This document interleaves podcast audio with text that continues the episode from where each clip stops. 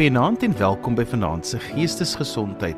Vanaand gesels ek met Dr. LZ Fritz, sy's 'n bekende opvoedkundige sielkundige, en ons gesels vanaand oor vrees vir mislukking. LZ, dit klink dalk vir mense soos iets wat 'n mens net van verbygaande aard het, maar vanaand gesels ons oor mense wat lewe met 'n vrees vir mislukking. Benant Johan en die luisteraars. Ja, dit is 'n ongelooflike belangrike onderwerp hierdie, want ehm um, hierdie vrees vir mislukking begin baie keer alreeds op 'n baie jong ouderdom en dit word ons skaduwee soos wat ons ouer word. 'n um, magtige krag op die ou einde energie binne in ons eie liggaam wat uiters beperkend is en dit beïnvloed op die ou einde die besluite wat ons neem of nie neem nie en ook die uitkomste. So dit kom ons gesels oor as ons die term vat vrees mislukking. Vertel vir ons wat beteken dit?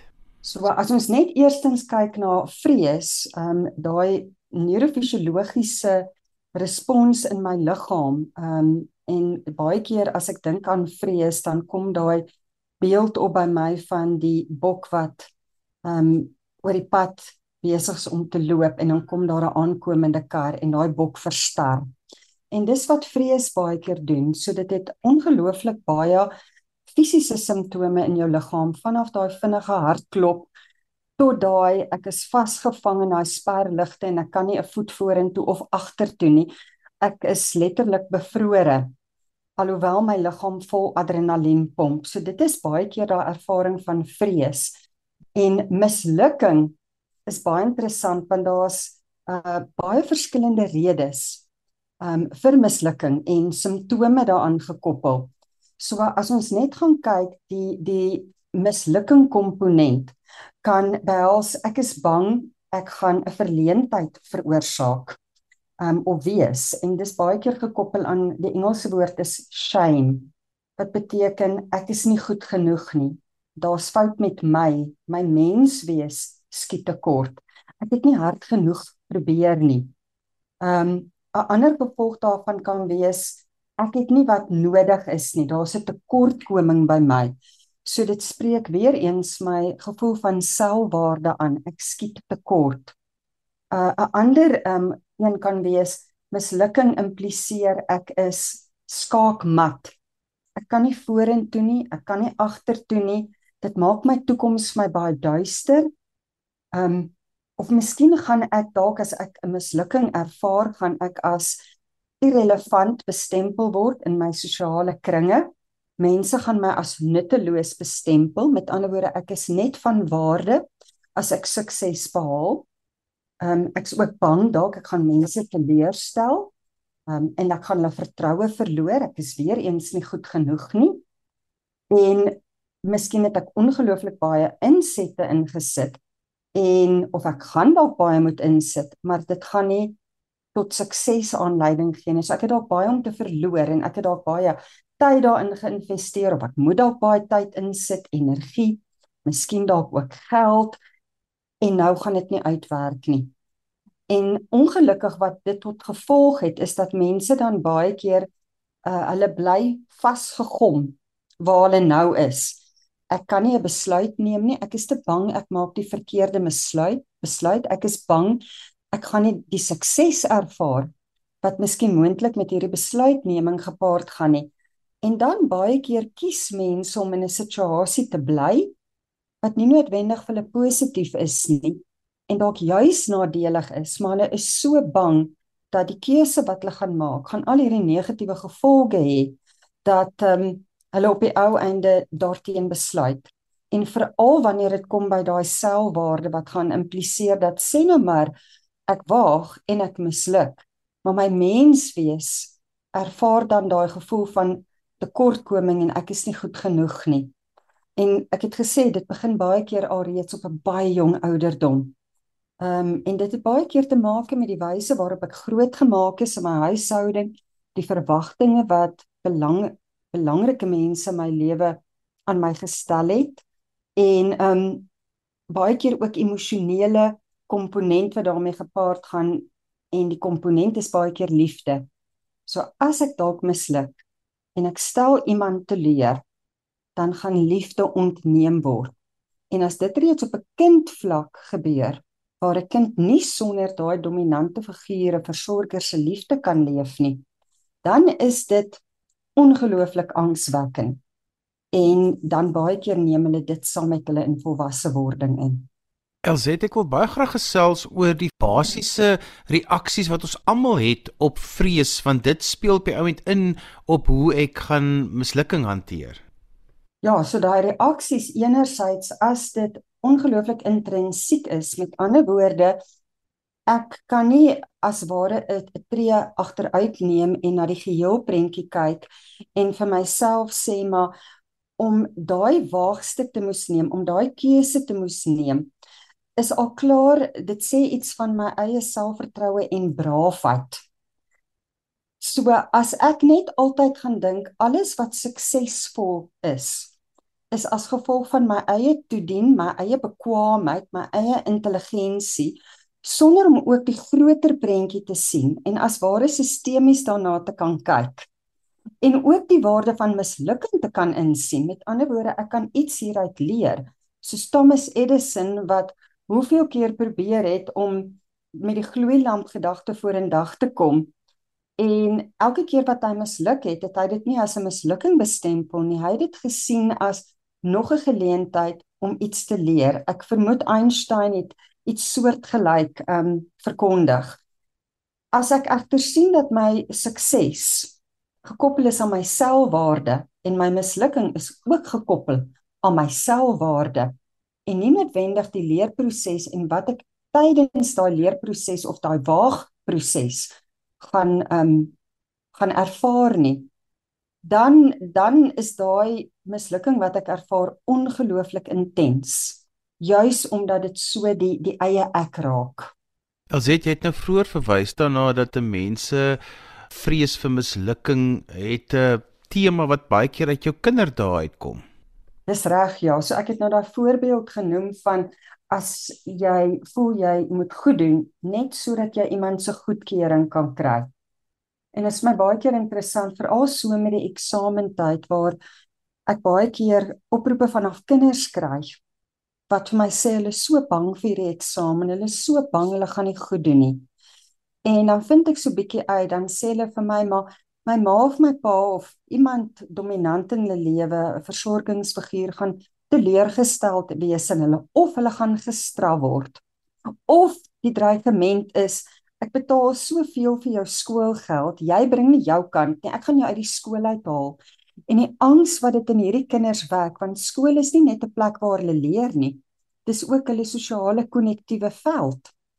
En al daai dreigemente is op die einde wat bydra tot daai gevoel van mislukking en dat 'n kind eintlik dan groot word met die gedagte dat ek moet baie hard leer nie vir myself nie nie vir dit wat ek daaruit kry nie maar om iemand anders tevrede te hou en dit is baie keer waar daai gevoel van mislukking dan inskop dat 'n leerproses word nie net meer bestempel as 'n leerproses en elke mislukking gee my geleentheid om iets hieruit te leer wat van waarde is nie.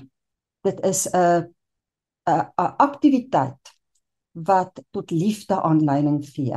En as dit gekoppel is aan jou primêre versorgers wat eintlik vir jou moet lief wees ongeag en dis juis hulle liefde wat jou kan buffer teen die teenslae van die lewe.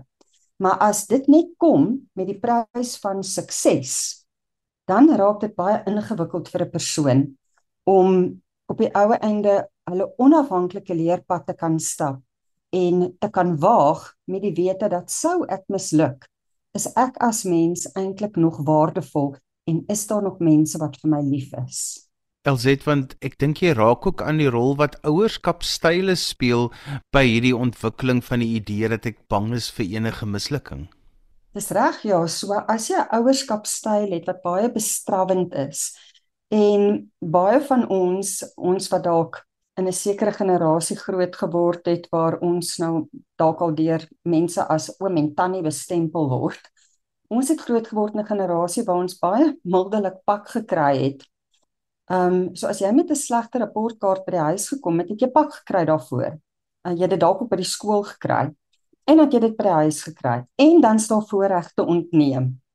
En dan moes daar dalk nog addisionele lesse inkom. So dit was baie keer 'n straf op straf op straf.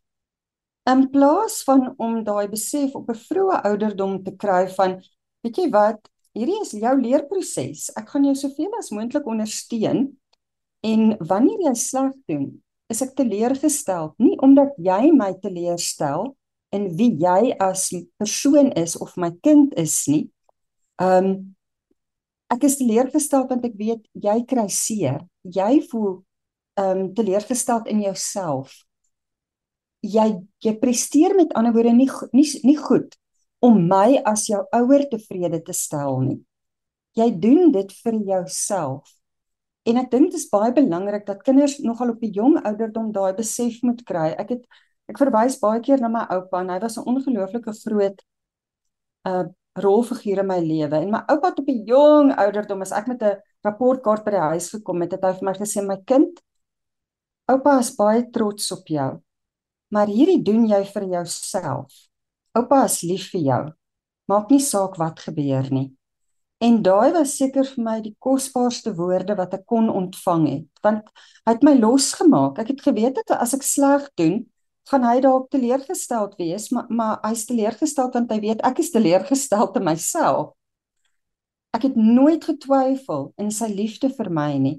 En ek dink as 'n ouer of 'n versorgingsfiguur dit vir 'n kind kan gee en hulle suksesprestasie kan ontkoppel van liefde, dan gee jy vir daai kind daai verantwoordelikheid van die leerproses en tesame met dit gee jy vir hulle daai voorreg om te mag waag en te mag misluk. Want selfs al misluk ek gaan iemand trots wees op my en lief wees vir my want ek het die eerste stap gevat in wat dalk onbekend en dalk vrees aan hand kan wees.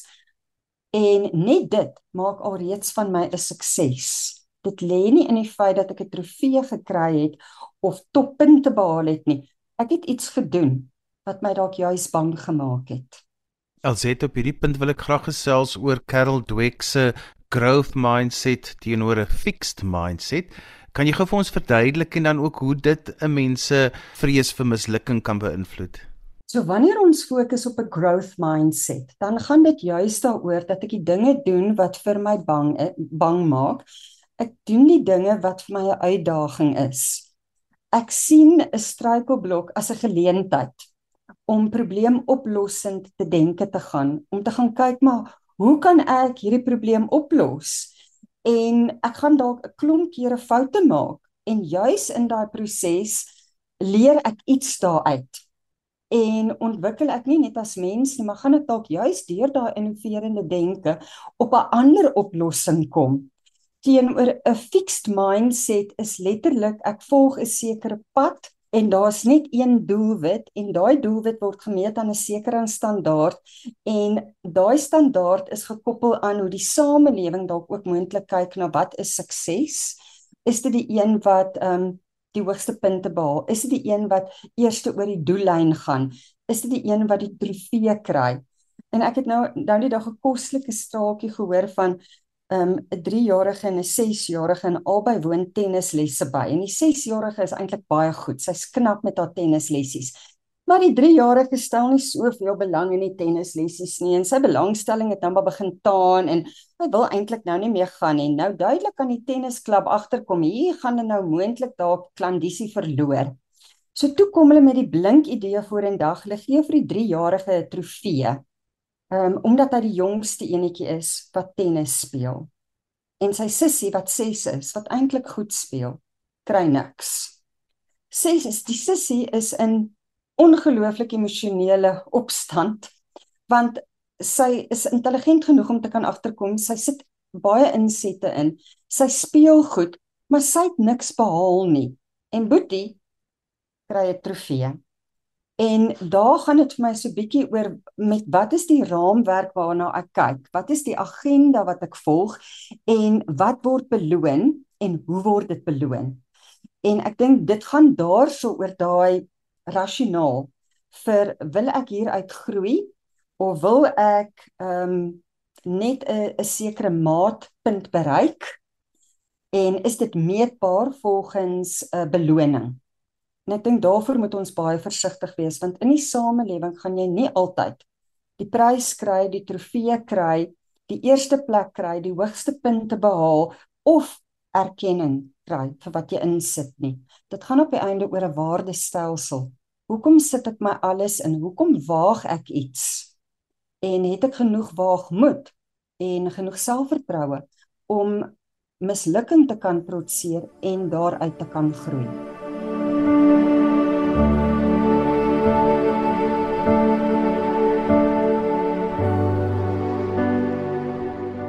As dit baie keer vir mense wat met geestesgesondheid uitdagings elke dag saamleef, hulle is nou al so dusnis geklap deur die lewe dat hulle voel soos 'n mislukking. So die vrees is daar, dit het al in angs omgesit, maar hulle voel soos 'n mislukking en om daai te kom is nog moeiliker as om net 'n vrees vir mislukking te hê.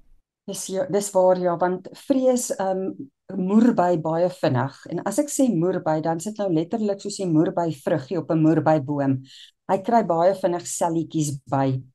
So as jy eers een keer ingegee het tot vrees en juis as gevolg van daai lae selfbeeld waar jy al klaar voel soos 'n mislukking. Hoe meer jy uittreë in die wêreld se trotsering van dit wat uitdagend kan voel hoe meer oorweldigend voel die lewe vir jou, hoe meer voel jy soos 'n mislukking. En dis die paradoks, jy probeer juis mislukking vermy want jy voel soos 'n mislukking en hoe meer jy ehm um, goed vermy, hoe meer voel jy eintlik soos 'n mislukking. Want deur te waag, vat jy 'n kans dat uh iets kan gebeur. Jy's in beweging. En beweging beteken ek stagneer nie. En ons almal weet wat gebeur in 'n poel water wat stagnant is. Die muskiete broei daar. En dis letterlik wat gebeur met ons psigiese energie. Wanneer ons so bang begin raak, so angsbevange, so vries dat ek uitstel, ek vermy, ek stagneer.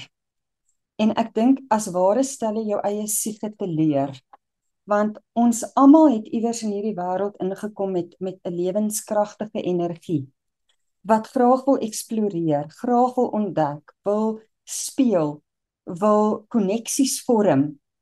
En die oomblik wanneer jy jouself inskulp en daar's geen beweging nie en jy dink jy doen dit vir jou eie beskerming, hoe meer geïsoleerd raak jy nie net van ander nie, maar ook van jouself.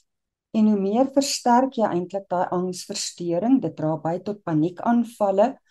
En later het jy hierdie fiksasie wat uh, uh, in in in antisisipasie vir situasies wat 'n vreesrespons gaan trigger of aktiveer.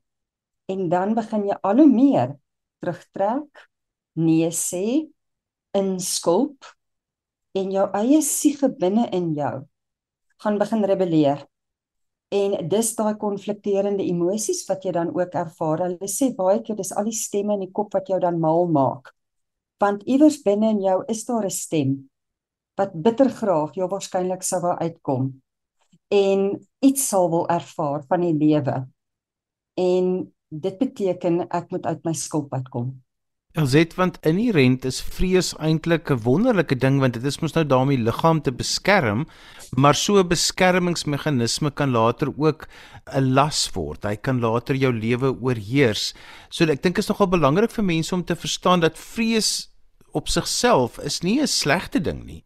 Dis reg ja, vrees is daar om ons as 'n spesies se voortbestaan te verseker. So as jy weet daar's 'n giftige plant met giftige bessies.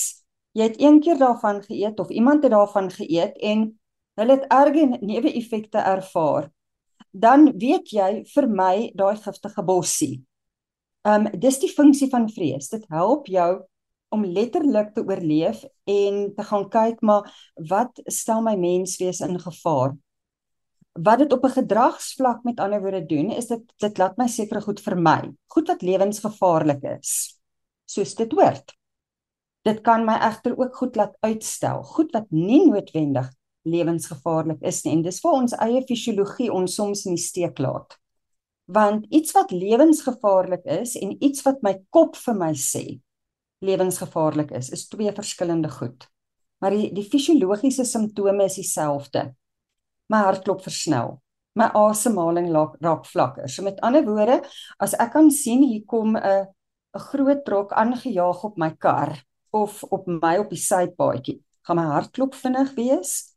My asemhaling is vlakker. Ek kan dalk 'n koue sweet ervaar, ek kan spierspasma ervaar. Ehm um, want ek gaan moet beweeg. Ek moet baie vinnig beweeg. As ek egter nou sê nou maar besef ek moet voor 'n gehoor praat en ek ervaar al hierdie simptome, hartklop, asemhaling, sweet, spierspasma, bietjie van 'n bewerasie, dan staar 'n gedeelte in my brein wat ook vir my sê hierdie maak nie sin nie. En dan skop die emosionele warboel in met al hierdie negatiewe gedagtes wat vir my sê ek gaan um, die verkeerde goed sê. Mense gaan vir my lag ek gaan stupid voorkom. Ek gaan dalk geluide maak wat ek nie moet maak op die verhoog. En weer eens gaan mense vir my lag. Uh met ander woorde my kop sê vir my al hierdie negatiewe goed en ek begin vir myself hierdie pessimistiese prentjie skep. En in daai proses is die boodskappe wat ek vir myself gee, ek is ook hulpeloos. Ek is hopeloos. Ek is nie goed genoeg nie. Ek is nie slim genoeg nie. En as jy dalk in die verlede iemand ervaar het in jou binnekring, baie keer gesaghebende persone, kan ouers wees, versorgingsfigure, onderwysers, ouer broers of susters wat vir jou onbekwaam laat voel het. Hulle het vir jou gesê jy's onnosel. Hulle het dit dalk in 'n grap bedoel, maar jy het dit ter harte geneem. Hulle dalk in 'n oomblik van hulle eie gedisreguleerdheid het hulle vir jou gesê, "Man, Jy gaan nooit sukses in hierdie lewe behaal as jy so power in wiskunde presteer nie. En jy het dit ter harte geneem. Dit het jou menswees gevorm. Dan in daai oomblik wat jy op daai verhoog staan en jy moet nou voor daai mense gaan praat, dan skop al hierdie fisiologiese um boodskappe in jou liggaam in saam met hierdie emosionele denk prentjie en dan raak ek bevrore. En dit voel vir my so bedreigend want die fisiologiese simptome is dieselfde soos die trok wat op my afjaag dat ek dan uittreë en ek sê ek gaan nie. In plaas van om ook te kan besef maar hierdie is nie die einde van die wêreld nie. Hierdie is nie 'n trok nie al lag hulle vir my. Ek gaan nog steeds van hierdie verhoog kan afstap. En daar is tegnieke wat ons kan leer om op die ou einde ons te help deur hierdie adrenalien rush dat ek kan voortgaan en in daai een tree vorentoe gaan. Herwin ek as ware my eie selfvertroue en verhoog ek my selfbeeld sodat volgende keer wanneer ek dalk weer benoud angstig oorweldig voel dink ek gaan nie goed genoeg wees nie dat ek myself hieraan kan herinner en ek kan dit weer probeer en in dit is daar daai prestasie van ek het probeer dis 'n growth mindset ek word meer as my vrese, meer as my negatiewe selfspraak en ek oorkom my eie gevoel van tekortkoming en verleentheid. Ons het praat ons 'n bietjie oor die veg vlug en vries reaksie van vrees en hoe dit kan uitspeel in vrees vir mislukking. Ons praat baie keer van die rooi sone, want dis 'n uh, baie energieke ervaring, fisiologiese ervaring in jou liggaam En dis wanneer jou jou byniere geaktiveer word, oormaat kortisol, adrenalien word geaktiveer, want daar's dalk 'n regte bedreiging of dit is 'n emosioneel kognitief verwante ene. En my my my siege, my brein ervaar dit as bedreigend en ek ervaar daai oormaat kortisol en adrenalien. Dan wil ek letterlik een van twee reaksies sê. Ek het gepraat van daai daai bok op die pad. Daai bok gaan weghardloop as jy vir my kans gee as hy die geluidjie gehoor het en ehm um, sy sintuie was mooi ingestel op hier nie nou of hy gaan veg. Maar vang daai bok onkant. En dis letterlik wat baie keer kan gebeur is ek word so oorbelaai met die kortisol en die adrenalien dat en ek het nie 'n keuse om weg te hardloop of te veg nie en dit gebeur baie keer in ons ouerhuis. So 'n ouer is kwaad vir my of daar was iets wat gebeur het in my huishouding. Ek word dalk fisies getuigtig plus emosioneel getuigtig plus my wêreld voel net nie vir my veilig nie en veral op 'n baie jong ouderdom waar ek eintlik nog afhanklik is van my versorgers. Dan het ek nie die keuse om te veg nie. Want as ek terugpraat, gaan ek nog pak kry. Ek kan baie goed onthou my ma het altyd vir my gesê as ek wou terugpraat, het sy vir my gesê jy praat nie teen nie. En as ek dan stil gebly het, dan sê vir my gesê nou kry jy stilstype en dan het ek daarvoor ook betigting gekry. So as jy in daai spervuur vasgevang is, ek kan nie terugpraat nie, ek kan nie terugveg nie en ek kan nie weghardloop nie want ek's 'n kind, iemand moet vir my sorg. Dan baie keer disassosieer ek. Met ander woorde, my liggaam is hier, maar my kop is nie meer hier nie. En dis 'n baie bevrydende ervaring daai want ehm um, ek hoef nie teenwoordig te wees nie maar dit kan 'n krisis in my eie liggaam veroorsaak want in daai disassosiasie het ek eintlik nie my grond geëie nie. Ek het nie my stem gebruik nie. Ek het nie my grense gestel nie. Ek het nie my argument gestel nie. Ek het nie my mens wees tot sy tot sy reg laat kom nie. En dit kan dan baie keer aanleiding gee. Daai disassosiasie lê op die teenoorgestelde teenpool van die rooi sone ek verwys daarna as die Vries ene. Dis dis eintlik 'n uh, ek's hier, maar ek is nie hier nie. Dit is my siege se laaste beskerming wanneer ek nie kan veg nie en ek kan nie vlug nie. Ehm um, so aanvanklik daai daai Vries respons is eers ek ek is verstom. Dan wil ek oorgaan tot aksie, maar ek kan nie oorgaan tot aksie nie. Dan disassosieer ek. En as daar nie vinnig sosiale konnektiwiteit inkom, met ander woorde, Goed, kom ons praat hierdie storie uit. Altyd van ons is nou kalm. Ehm um, kom ek help jou om te reguleer, dan disassosieer ek. En dit skep op die ou einde daai trauma loop en dis gelykstaande aan daai ehm um, totale bevrore in my eie mens wees, maar ek is vol energie. Maar ek ek kan nie uiting daarin gee nie. En dit is nie 'n plek waar enige persoon graag wil, wil wees nie want dit is 'n donker en 'n eensame plekkie daai en aan die een kant is ek hier maar aan die ander kant is ek wat my sintuie aanbetref my sintuiglike gewaarwordinge is ek nie hier nie. Ek's nie present in hier nie nou nie. Teenwoordig nie.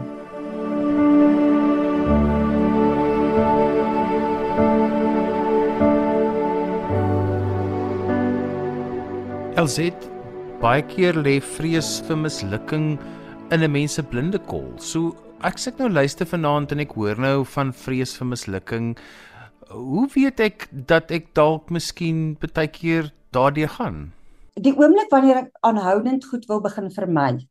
So ek wil nie noodwendig ehm um, opstaan en 'n praatjie lewer nie ek wil nie ehm, 'n um, sosiale byeenkoms bywoon nie. En en weer eens hierdie lê op extreme so ons almal is soms moeg en ek sê nee dankie vir 'n sosiale funksie of ehm um, ek wil nie in 'n vergadering my opinie uiter nie. Maar as ek kan begin agterkom hier's 'n herhalende patroon. En dit dit laat my met 'n ongemaklikheid dit laat my nie met 'n uh, uh aan 'n lopende bevrydende gevoel nie. Met ander woorde, aanvanklik gaan ek dalk bevry voel. Sjoek, het hy net vrygespring. Niemand het my 'n vraag gevra of in my rigting gekyk nie. Maar dan begin ek bang raak. Sien nou maar.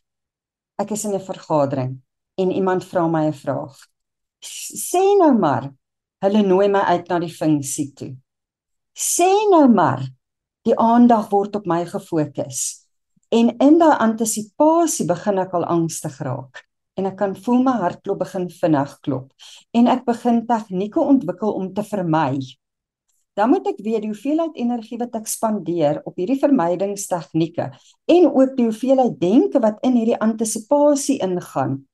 Dit sê al klaar vir my hierdie is 'n probleem en ons moet dit dalk aanspreek.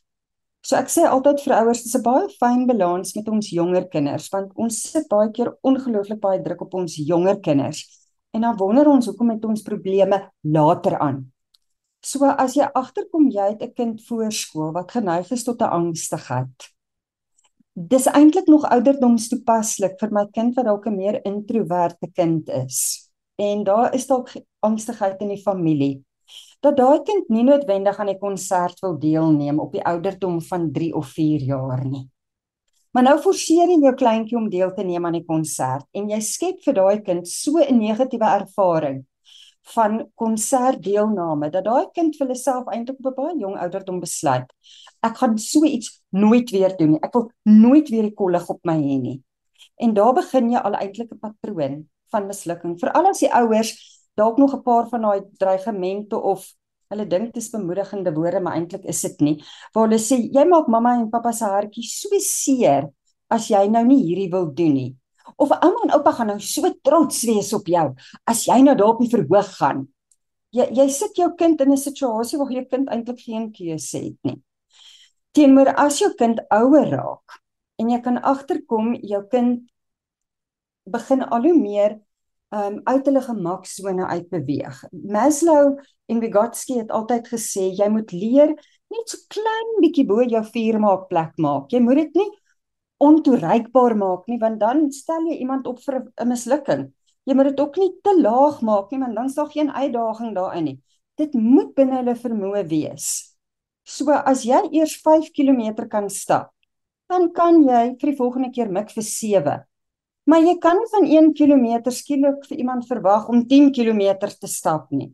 Jy kan nie van iemand wat 'n ekstreme introwert is en alreeds sukkel om net in 'n klein groepie um te praat en dalk 'n 'n versie op te sê. Jy kan nie van daai kind verwag om op 'n verhoog te gaan staan en dan met die hele gehoor um aan te spreek nie. Die doelwit is te hoog en te groot. So ek dink dit is my nogal belangrik dat ouers dit moet besef en vir ons as volwassenes om vir onsself te moet vra maar hoe kan ek kleiner doelwitte stel om dit wat ek vrees geleidelik te bowe te kom. Elzet, kom ons praat oor as ek vrees vir mislukking ervaar, watter wenke het jy vir mense om daarbey verby te kom? Die eerste ding is is my nogal belangrik dat 'n mens jou oog op perfeksionisme moet hou want perfeksionisme is 'n eienskap wat ons baie keer hoog aanslaan in die samelewing. En terselfdertyd het hy 'n skadukant. So as ek op 'n jong ouderdom grootgemaak is met ek moet vir die hoogste mik, dit moet altyd reg wees, geen foute.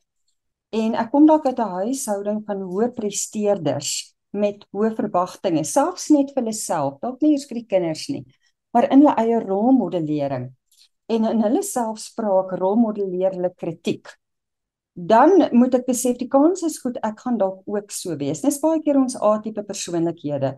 Hulle behaal baie ehm um, want hulle stel hoë eise, maar hulle betaal ook baie keer 'n baie hoë emosionele en 'n fisiese prys daarvoor.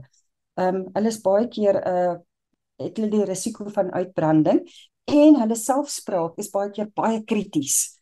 So as hulle fout begaan, is hulle rof op hulle self in terme van selfkastyding.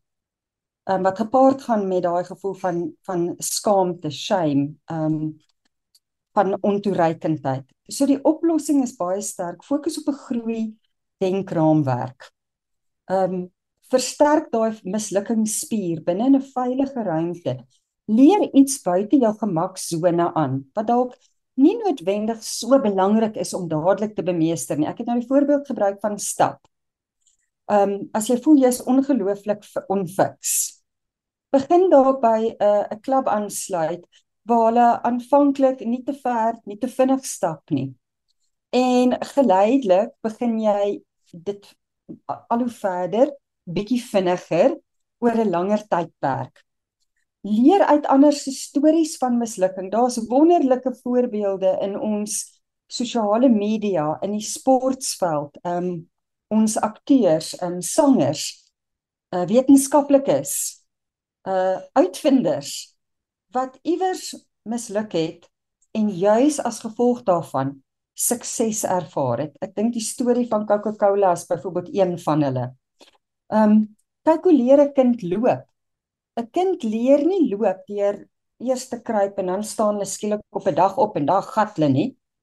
Hulle is eers wankelrig, hulle het iemand nodig om hulle hand vas te hou, hulle het bemoediging nodig, aanprysing, hulle hou weer vas, hulle val, hulle staan weer op. Dis op die ou einde hoe 'n kind leer loop. So mislukking is baie sterk 'n leergeleentheid en jy moet dalk vir jouself kan vra, so goed ek het nou misluk. Wat kan ek hieruit leer? as ek vir myself wat elke keer wat ek oor die radio praat en ek is van nature nogal geneig tot hoë angstigheid. Ehm um, dan wonder ek altyd wat gaan ek nou weer sê waaroor ek na die tyd 2 uur môreoggend gaan wakker word en dink ek moes nie dit gesê het nie of ek moes iets anders gesê het. En so ek moes daaruit leer om vir myself te sê, goed, so wat moet ek volgende keer anders doen? Ehm um, waarvoor moet ek volgende keer voorberei wat ek dalk die keer nie op voorberei het nie? En dan natuurlik 'n goeie gesonde sin vir humor. Op die einde dit help nogal om vir jouself te lag. Want in hierdie samelewing is daar nie een persoon ongeag hulle status finansiëel of um, in hulle beroep ongeag hulle taal, hulle geslag wat nog nie 'n fout begaan het nie. En op die ou einde is dit dalk juist daai interessante uh mislukkings van ons wat ons dalk as 'n mislukking interpreteer wat later dalk 'n goeie storie kan word. Elzet, ek dink is ook belangrik dat ons moet praat oor vulnerability en kwesbaarheid. So ruk terug hier op geestesgesondheid het Lizet Volkwyn vir ons vertel van hoe sy besluit het in 2023 gaan sy nou haar eie vulnerability in die oë kyk en sy wil dit oorkom en sy was altyd onder die indruk dat sy glad nie kan sing nie. Dit is ook 'n een ding wat sy altyd weggebeur het van. Sy het dit net vermy en toe het sy besluit sy gaan klasse loop, sy gaan hierdie vulnerability in die gesig kyk en sy gaan op die einde van hierdie reis voor 'n gehoor sing. So luisteraars kan gerus die pot gooi gaan aflaai.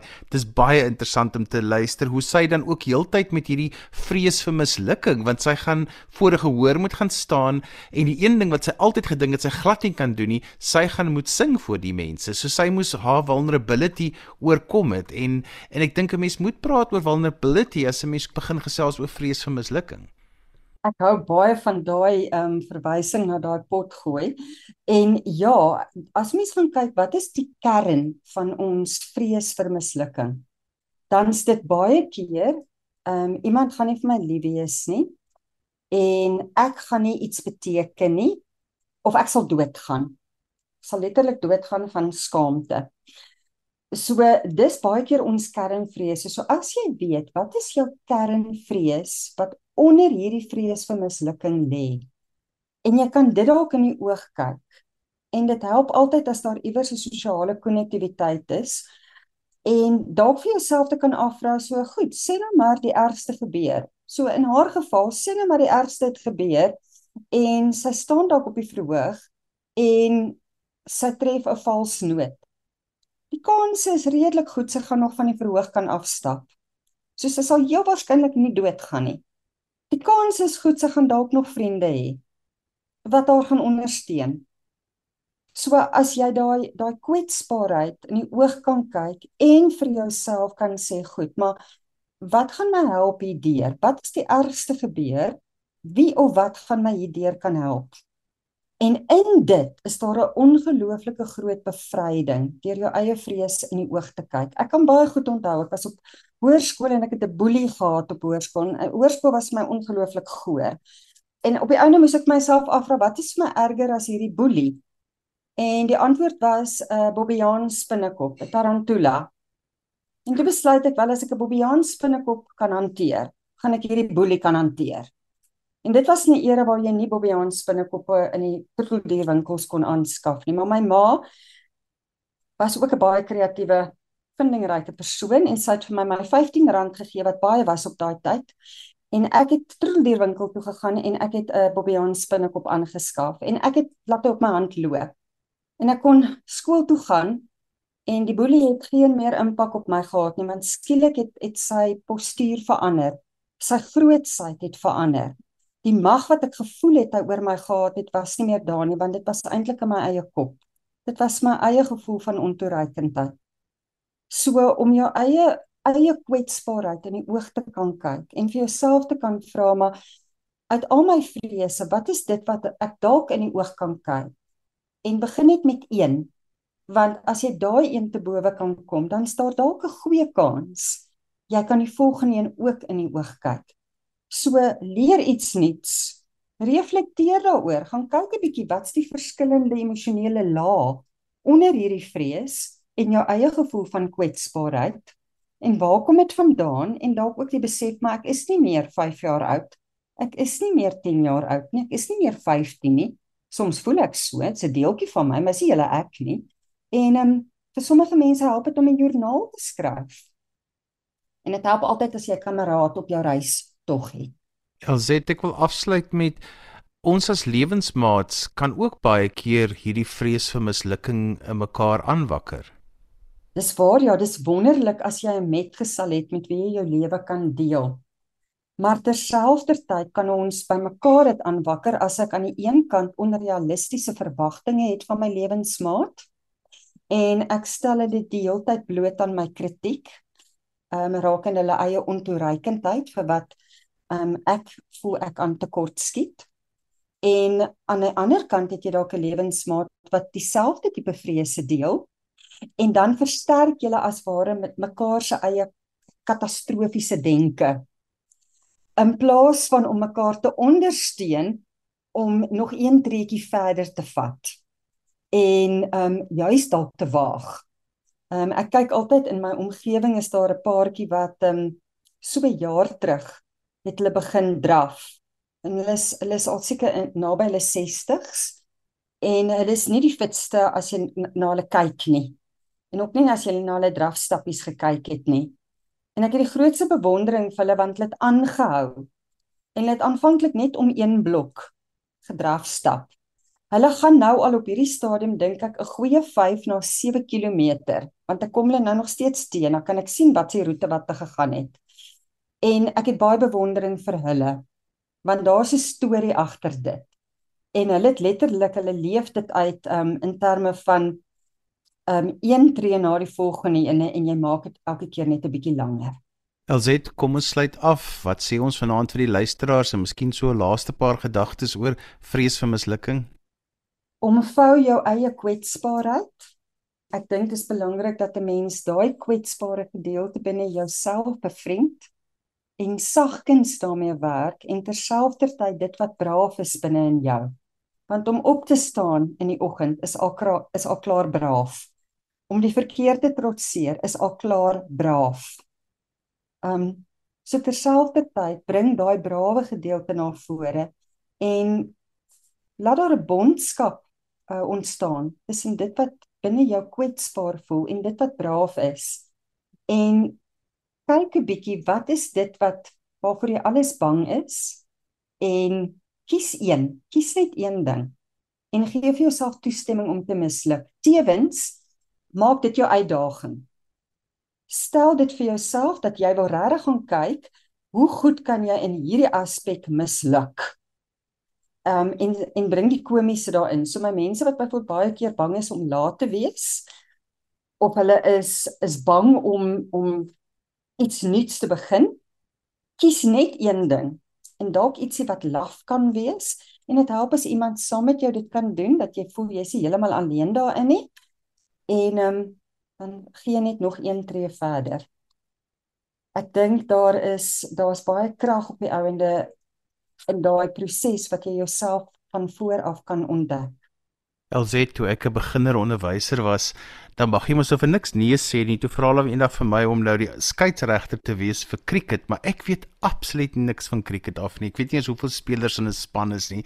En as ek vir hulle nee gesê het, dan sou hulle nou gedink het ek is net lui. Toe sê ek nou maar ja, ek sal dit wees en ek was so 'n groot mislukking daarin alhoewel ons gewen het maar 'n paar handsakke het my bygekom daai dag en interessante ding is hulle het my nooit weer gevra nie en dit was vir my op die ouend ook dit nie 'n mislukking nie dit was toe vir my 'n oorwinning soms is dit juis daai mislukking wat vir jou 'n rigtingduiding is en sê maar hierdie is nou nie noodwendig die pad wat ek moet volg nie die lewe dalk vir my ander lewenskaarte gegee ek moet dalk daai ander lewenskaarte net beter speel. So ek dink daat jy dit eintlik baie strategies gespeel. Elzet as mense met jou verder wil gesels, hoe kan hulle met jou kontak maak? Hulle is meer as welkom om my te kontak op my e-posadres. Dis my naam E L Z E T T E gevolg deur my van Fritz F R I T Z syfertjie 1 @gmail.com En so gesels Dr. LZ Fritz, bekende opvoedkundige sielkundige, en ons het vanaand gesels oor vrees vir mislukking. En daarmee ons gekom aan die einde van vanaand se geestesgesondheid. Onthou jy kan weer na vanaand se program luister as 'n potgooi en laai dit af by resgep.co.za. Skryf gerus vir my 'n e e-pos by Johanvanlull@gmail.com en onthou daai Johan het net een N. En daarmee groet ek dan vir vanaand. Kyk mooi na jouself. Tot volgende keer van my Johan van Lille. Totsiens. thank you